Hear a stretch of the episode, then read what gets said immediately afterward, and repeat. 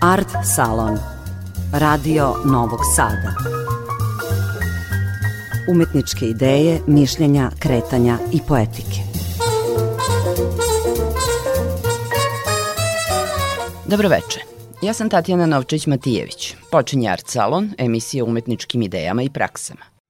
Večeras je priča i diahroniska, iz usmene tradicije do savremenog književnog pisma i sinhroniska, u formama i modelima vidljivim u savremenom najširem javnom prostoru teksta i govorenja. Sagovornica je Ljiljana Pešikan-Ljuštanović, naučnica, profesorka Novosadskog filozofskog fakulteta u penziji, formalno stručnjakinja za narodnu književnost, istraživačkim angažmanom, autoritet za tranziciju tema i motiva u dramsku, književno za decu i odrasle.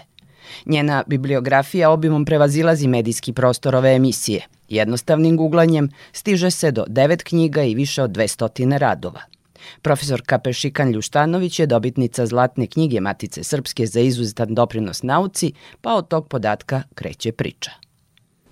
Priča Vi i Matica Srpska je toliko čvrsto povezana da ja ne bih mogla Maticu da zamislim bez vas.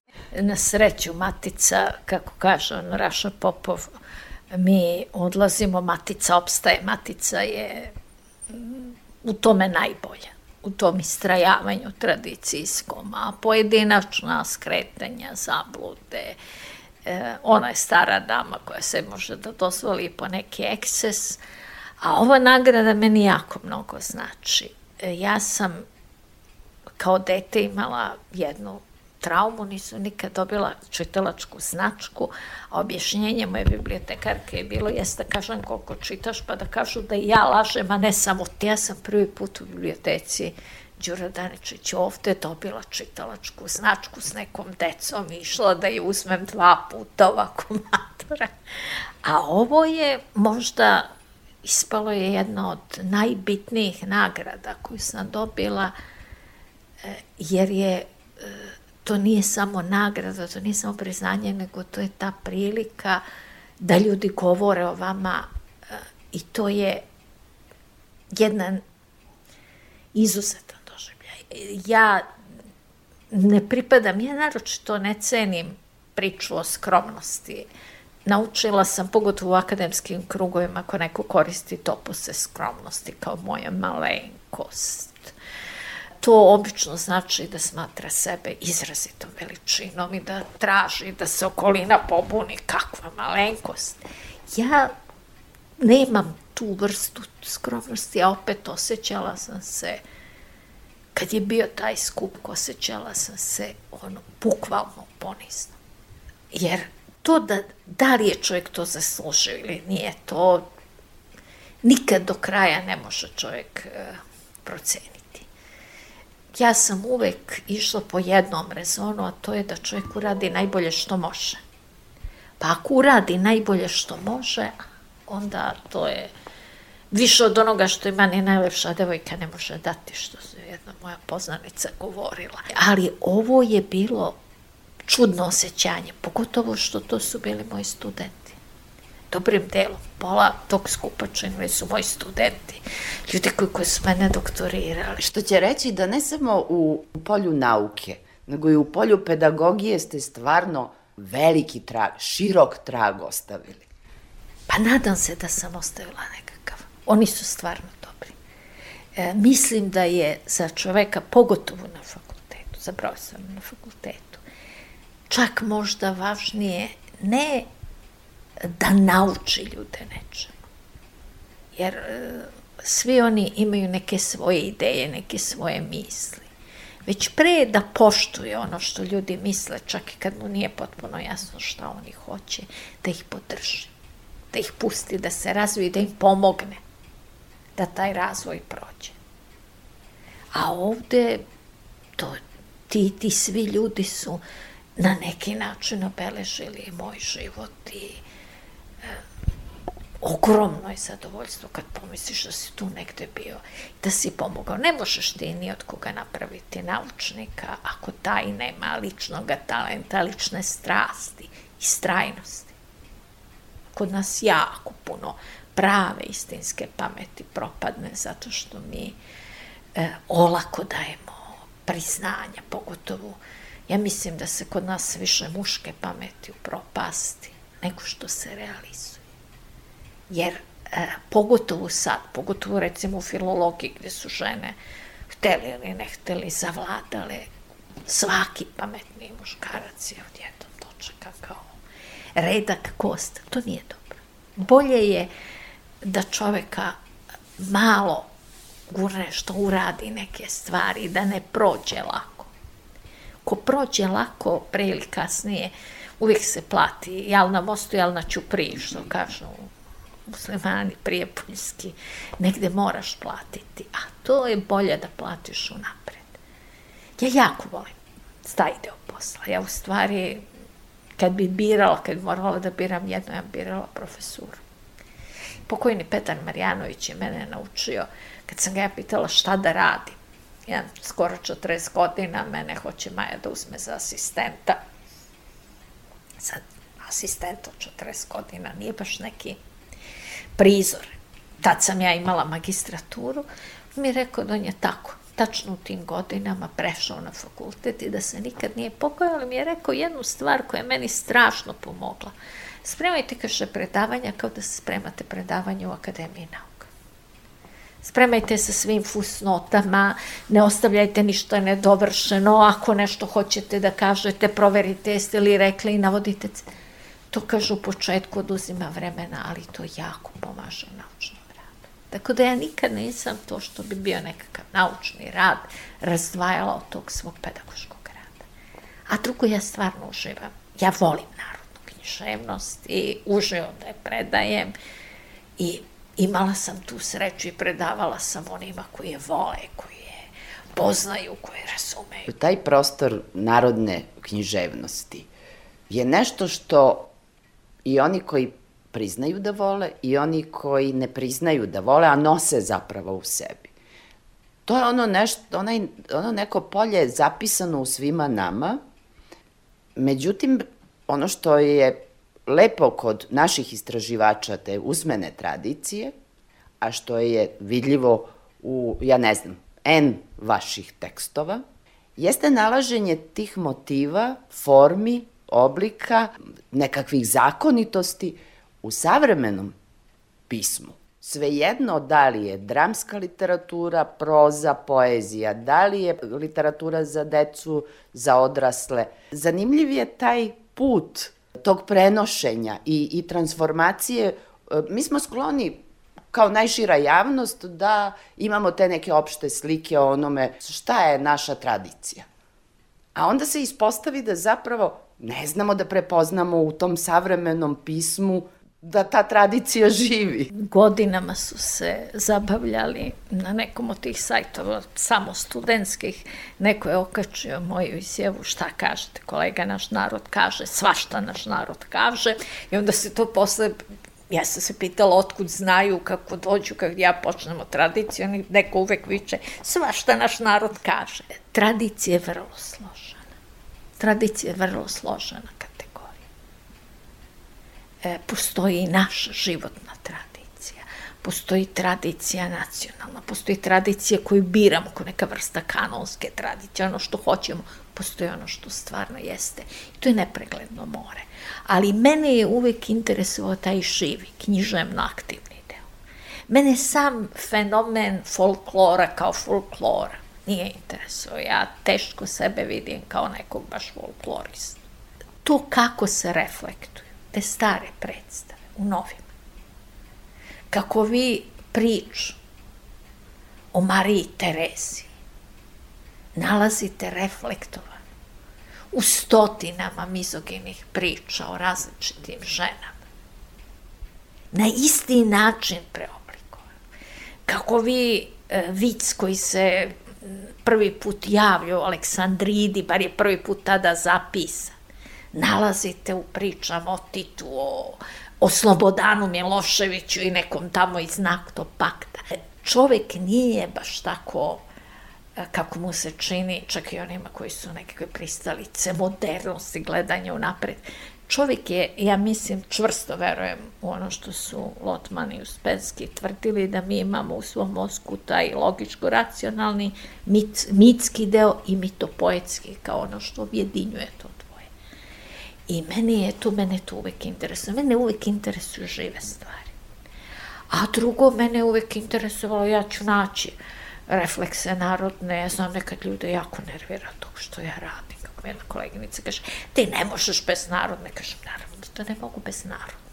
Sad ću ti kažem šta, gde ima, gde je tu narodna? Mnoge stvari se mogu bolje razumeti. Drugo, tu ima velike poezije. Nije baš sreća način na koji se ona prezentuje u školi. Kad vi u četvrtom osnovne stavite pesmu Jetrvic Adamsko koleno, oni ako je razumeju, on se ceo razred se umacura od plača. Jer on ima ideja da je neko ostao bez majke. Premali su za to. Kao što nije za peti razred priča o ženi koja zbog brata vadi oči. To. E, neko bi trebao da malo razdrma, a onda pomislim, nije ni to. E, mi moramo prosto navikavati na tu poliglosiju Ako nešto može škoditi srpskoj kulturi, to je naša često bazarovljevska sklonost. Sad ćemo mi sve da rušimo pa da zidamo iznova.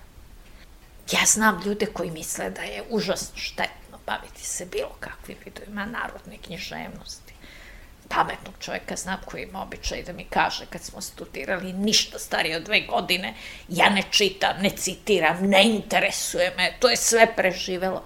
To je To je moguć stav, mogući odnos prema stvarima, ali prilično površan. Jer neki mehanizmi opstaju. Nije bez razloga da sam se ja tako puno bavila dečijom i pozorištem. Jedno i drugo skoro uvijek imate usmenu situaciju. Ljudi u pozorištu, jeste to sve zapisano, jeste to sve režirano pokojni Mijač je govorio, nema predstave koja je neprepusna na gledaoca. On je imao taj ideal, on je mislio, kaže, kad je bio mlađi će napraviti predstavu koju, na koju gledaoci neće uticati. Kaže, vrak. Prvi, kaže, smeh iz gledališta, prvi aplauz, prvi svištuk preoblikuje predstavu i možeš ih pobiti. Predstava ide tim tokom koju je publika od To važi i za književnost sa decom. Mi se poravljamo da ona kad funkcioniše sa svojim recipijentima, funkcioniše kao usmen. To je potpuno jedna živa komunikacija. Mene ta vrsta životnosti interesuje. Mene interesuje lepota, ja sam odrasla na tome. Ja sam pomalo, ja sam rekla kad sam zahvaljivala ovima koji su bili na ovom stolu u kruglom meni, da sam ja pomalo muzejski eksponat koji se pretvara da je kustos. Ja sam neko ko zna šta je, do, šta su dobre, šta je dobar guslar. Ja znam kako treba da zvuči dobar guslar. Ja znam kako se priča određena pesma. Znam šta se ne priča. Meni je uvijek bilo problem da izvučem od moje majke neku informaciju, jer postoje stvari u kojima se ne priča. To svi znaju, ali o tome se ne priča. Vama je potpuno jasno da tom potragom za motivima i formama, životom, da ste zapravo ušli u jedno jako široko polje. ja volim da uđem u široko polje. Ja po tome, ja sam po tome prilično sumnjiv naučnik. Jer ja, znate, postoji i ona ideja da ako se baviš naukom, da se baviš određenom specializacijom. Ja volim da se bavim svim i svačim. Ja sam pre svega čitala. Ne, hoću reći balade narodne. Tu je i humor iz usmene književnosti. Tu su i forme ponavljanja iz e, proze usmene. Epika. Je, to je možda, možda i, i sad najizazovniji deo. Jer treba prilagoditi naše viđenje sveta, ali to važi za svaku epsku književnost. Ilijada je politički nekorektna, ništa korektnije od naše književnosti. Prosto ta kategorija političke korektnosti ponekad je ima toliko da je to začudo. Filip Višnjić nije mrzeo Turke. To su potpuno ogromna, neprocenjiva, nepročitana građa. Ljudi vole da govore o usmenoj tradiciji, znate, pročitati Vukove četiri knjige, to je posao. A znati... S obzirom na tu snagu tradicije i živost, Da li ste sa većom radoznalošću i zadovoljstvom prebirali po onome što je lirsko ili ono što je epsko ili je potpuno besmisleno to pitanje? Meni je epsko bilo dosta poznato. Ja sam mm. odrasla na epici. I to je na mene jako uticalo. Drugo, tu je bila ona epika koja nije naročito umetnički vredna, ali koja sve što se dešava, sve se prelamalo kroz tu guslarsku pesmu. Lirika manje. E, ja sam liriku otkrila kad sam otkrila te zbirke s Kosova iz Južne Srbije. Sad je umro je nedavno Momčilo Zlatanović. On je takvo bogatstvo, što bi se reklo starinskim jezikom, nabro srpskom narodu. Te njegove zbirke su čudesno lepe. Lepe jezikom. A jer koje Gezeman da tu u Južnoj Srbiji kuca lirsko srce Evrope, to je stvarno čudesno. Kad sam lirikom počela da se bavim, ja sam otkrivala liriku kao čudo jezika i kao čudo lepote. I kao jedno veoma specifično viđenje sveta. Zato vas i pitam, jer različita su viđenja sveta u epskom prostoru i, i u lirskom. Ili je to onaj muški i ženski princip? Pa ima toga, ima muškog i ženskog principa, međutim imate i pevačica. I vi kad pogledate, e, Maja Kleut je pokrenula Svetlanu Tomin, Natašu Polovinu i mene, pa smo napravili tu knjigu o pevačicama i vi kad pogledate, e, potpuno, različito pevaju. Pobožnije su, mekše su, važne su im neke druge stvari. To se osjeća, a postojalo je pevačica.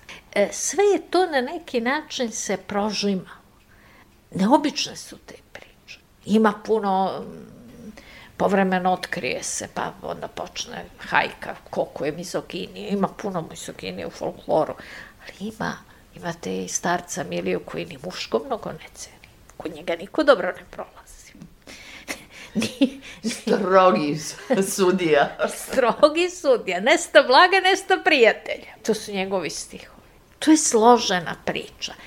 Ja, pravo da vam kažem, najviše volim tu vrstu prelivanja koja postoji, jer na nekim od naših najboljih epskih pesama, najlepših, Nebrzaza, recimo tu Smrt Vojvode Kajice, verovatno slepe živane pesma, tako je Nedić, pretpostavljam, mislim, s razlogom, vi imate tužbalicu, imate lirske pasaže. Čudesan je to sve čudesan je to svet, čudesan po viđenju vremena, po viđenju prostora, po refleksima koje ostvaruje.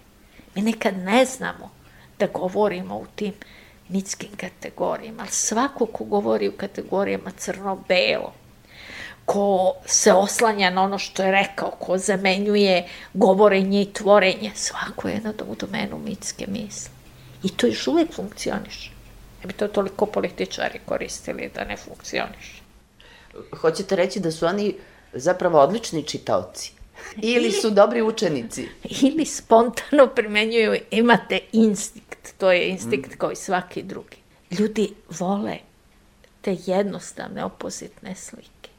Mnogo je lakše shvatiti crno-beli svet nego svet u kome je bezbroj nijansi i ništa nije potpuno crno. Nama se forsira crno-beli svet, a suštinski on je u drugom nivou mnogo bogatiji i, i mnogo sivlji, silnim nijansama. Jeste, ali je u silnim nijansama sive, a to baš e, čovjeku je nekad teško, nekad je lakše ako zanemarimo te nijanse. Humor je na neki način zanemarivanje, kaže Freud. Imamo psihičku smetnju, imamo blokadu i onda je prevaziđemo humorom. Čovjek ima potrebu da svet pojednostavi. Sada, recimo, u poslednje vreme jako puno se bavim predanjem To su one priče koje pričamo kao da su istine. I e, ljudi često kažu, ali to niko ne veruje. Niko ne veruje dok, ja ne, dok ne čuješ na klisi kako se devojke hvataju belo roblje u onim buticima u kojima se prodaje onaj sramotni veš. Postoji rupa ispod poda. Oni ispitaju devojku koga ima, šta ima. I kad ona, one koje probaju bezobrazni veš propadnu kroz tu rupu i odu u belu rupu. Ja sam tu priču slušala, ja sam je sad naravno karikirala i pojednostavila. Ko priču sam puno ozbiljnog straha. Mi verujemo u čitav niz priča. Mi verujemo u te priče o zdravlju. Duško Radović je rekao 70. I stvarno je bio prorok. Biće sramota, kaže, u raj će ići oni koji su zdravi, pa kao oni koji su bolesni. Biće sramota biti bolesni. I kad pogledate reklamne tekstove, živit će 150 godina, živit će 160 godina. I sada kada vas slušam, ta predanja u sad već trećoj deceniji 21. veka imenujemo kao fake news, kao onaj prostor svesne manipulacije, svesnog e, forsiranja javnog prostora tim problematičnim informacijama sa stanovišta jedne struje, jednog pogleda na svet. Znate, ja mislim da ništa e, ne postoji ako nema neku svrhu. Ako vi plaćate da, vam, da stoji na internetu reklamnih tekst, to znači da neko kupuje taj link. Ako sreda novina, ja sad počela, pošto sam tražila ove tekste, vraćam pažnju, stavljaju naslove tipa, ne znam, Dijana Đoković je neutešna, bolest je rastvojila, onda se ispostavi da je nekome umrlo kuće ili krepalo kuće ili da je neko izgubio neku dragu, neki drago parče nakita. Ta vrsta forsiranja katastrofe nikad ne biste poverovali. To neko čita i to je postao nekakav mehanizam mišljenja. Ljudi na kraju svašta poveruju. Nije to tako teško. Koliko god sam i sami sebi činili pronicljivim, najlakše manipulisati. Mi smo svet koji je navikao koji nekde, koji su godinama ubeđivali da je samo važno imati novca, a sve se može kupiti kada imaš novca. Ta ideja da ćemo kupiti nešto važno, nešto što će nam popraviti život, je utešna i valjda koji svaka nada služi samo tome da zamaglimo nekakvu izvesnost ljudskog života. I tu je predanje vrlo interesantna forma, jer nikad ne znate koliko onaj ko priča predanje veruje u njega. A trudi se da, da bude uvedljiv. Poziva se, on ima predanje zato što ima svedoke, zato što postoji neki fenomen, što postoji neka priča koju prepričavaš. I onda sve može biti, sve, sve, sve može ići u prilog to što neko kaže da je to laža, to je zato da bi od nas sakrili to. Ja, recimo, savršeno verujem da ovim svetom upravlja, ne upravljaju samo oni koje mi vidimo, da mnogi od njih su lutke, marionete. Ali ne verujem da moj taksista zna ko poteže konce američkom predsedniku, stvarno ne verujem. Ne verujem da to zna ne, moja tetka iz Podgorice, koja tačno zna šta je Elon Musk kome rekao kao da joj se javlja na dnevnoj bazi. Ja to ne verujem. Ja ne verujem da mi to znamo. Ali nema, valjda je čoveku lakše kad ima tu iluziju da nešto zna. E to je, recimo, meni sad možda najinteresantniji deo. To je trenutno. Pa dobro, ali je i aktuelno. S obzirom na ovaj prostor informacija u tom vrtlogu u kojem funkcionišemo. Pa jeste, ja se sad takođe spremam se, ako Bog da, ako budem poživjela e, da se pozabavim recimo pripovetkama Gorana Skrobonje. On je jedan od prvih koji su uveli horor u mainstreamu, mm. nešto što je kod uvaženog izdavača, što više nije skoro nekakva alternativna literatura. Horor je možda žanr s početka 21. stoljeća. Ja mislim na jedno od najvećih privilegija to je imati posao kad, gde radiš ono što bi radio i da te ne plaćaju. To je velika prednost i velika životna privilegija.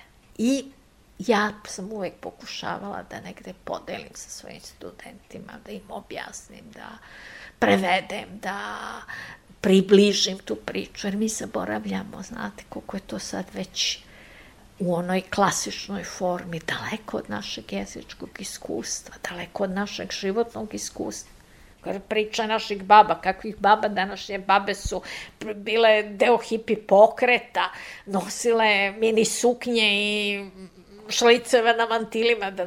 I borile se za seksualne slobode. Jeste, da, zapalile da. prslučiće, bile mnogo slobo, slobodumnije i mnogo oslobođenije od svojih unuka.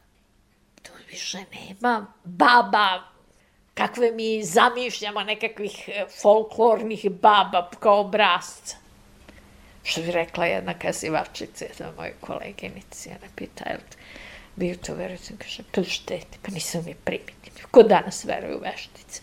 Nakrpi je. Dobro, kaže, Danko, u redu. A možemo li Ceca i ja da odem malo do brega, do Titalskog brega da prošetamo? Ćeš sad da ideš na breg, jesi ti normalno, one sad dolazu. E, meni se čini da je to pozicija savremenog čovjeka.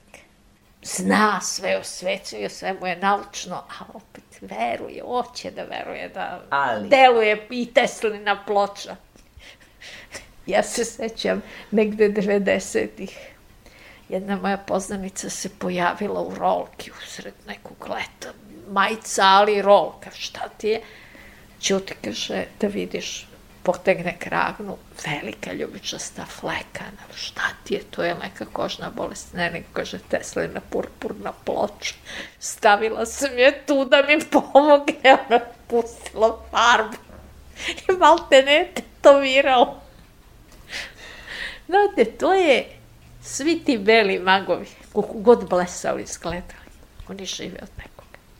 Bez obzira kojim jezikom govore, oni svi govore istu stvar govore da je moguće ispeći ljudsku sudbinu, da je moguće ispesti smrtnost, bolest, starost. A to teško da tu life coach pomaže. Nema boljeg life coacha od znanja. Ali i to je izbor svakog pona osob. Jeste, jeste. I dobro je dok postoji mogućnost izbora. Ne znam, ja mene je uvek užasno strah kad vidim e, tu decu koju tako panično čuvaju od izlaganja prevelikom učenju. Mozak je sa 15, 16, 17, 18 godina najplastičniji. Ko, zaštititi nekoga od učenja, zaštititi ga od stresa, prevelikog broja stranog To je glupost. Nije čega ga nisi zaštitio. Jer čovjek kad tad mora će stane na svoje noge i da ode u svet, a svet je čudo. Što rekao Bora Stanković, ne zemlja majka, da se sažali. To je strašno. Mi plašim se, najviše se plašim. Škola je suštinski važna u jednom elementarnom smislu ali ona treba posreduje bar nešto od realnih znanja, ne previše. Morate tu decu naučiti da pišu i to se ne može za dva meseca. E sad, zašto? To sam Bog zna. Postoje, je li to neka vrsta zavere protiv znanja ili je prosto to nekakva iluzija da ćemo olakšati život toj deci, nećemo. Ovo je već staračka priča. ne, ovo, ovo je priča sa velikim iskustvom. Vama hvala na ovom razgovoru. Ja vam želim da osvojite i taj horor i naravno čitat ćemo vaše tekstove, uživati u tim rezultatima tog tananog istraživanja i nalaženja tih čudesnih puteva onoga što, što kreće iz tradicije. Hvala veliko. Hvala što smo, ovo je bio divan razgovor. O živosti usmene tradicije i u savremenoj književnosti i savremenom životu za Art Salon govorila je profesorka Ljiljana Pešikan-Ljuštanović. Narednog utorka nove priče o umetničkim idejama i praksama. Laku noć i dobre snove želi vam Tatjana Novčić-Matijević.